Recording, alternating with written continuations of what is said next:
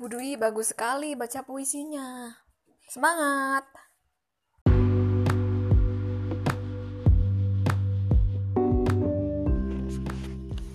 Assalamualaikum warahmatullahi wabarakatuh Selamat malam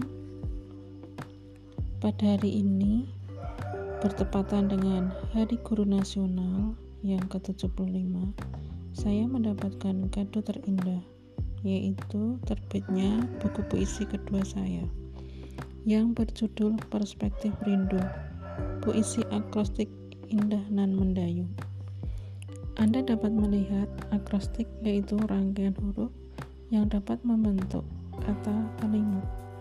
Akrostik dapat diletakkan di awal kalimat, tengah kalimat, maupun pada akhir kalimat. Bisa juga pada awal sebuah bait. Anda dapat mencari letak akrostik di mana dalam buku ini akrostiknya tidak tersurat tapi tersirat. Selamat membaca. Assalamualaikum warahmatullahi wabarakatuh.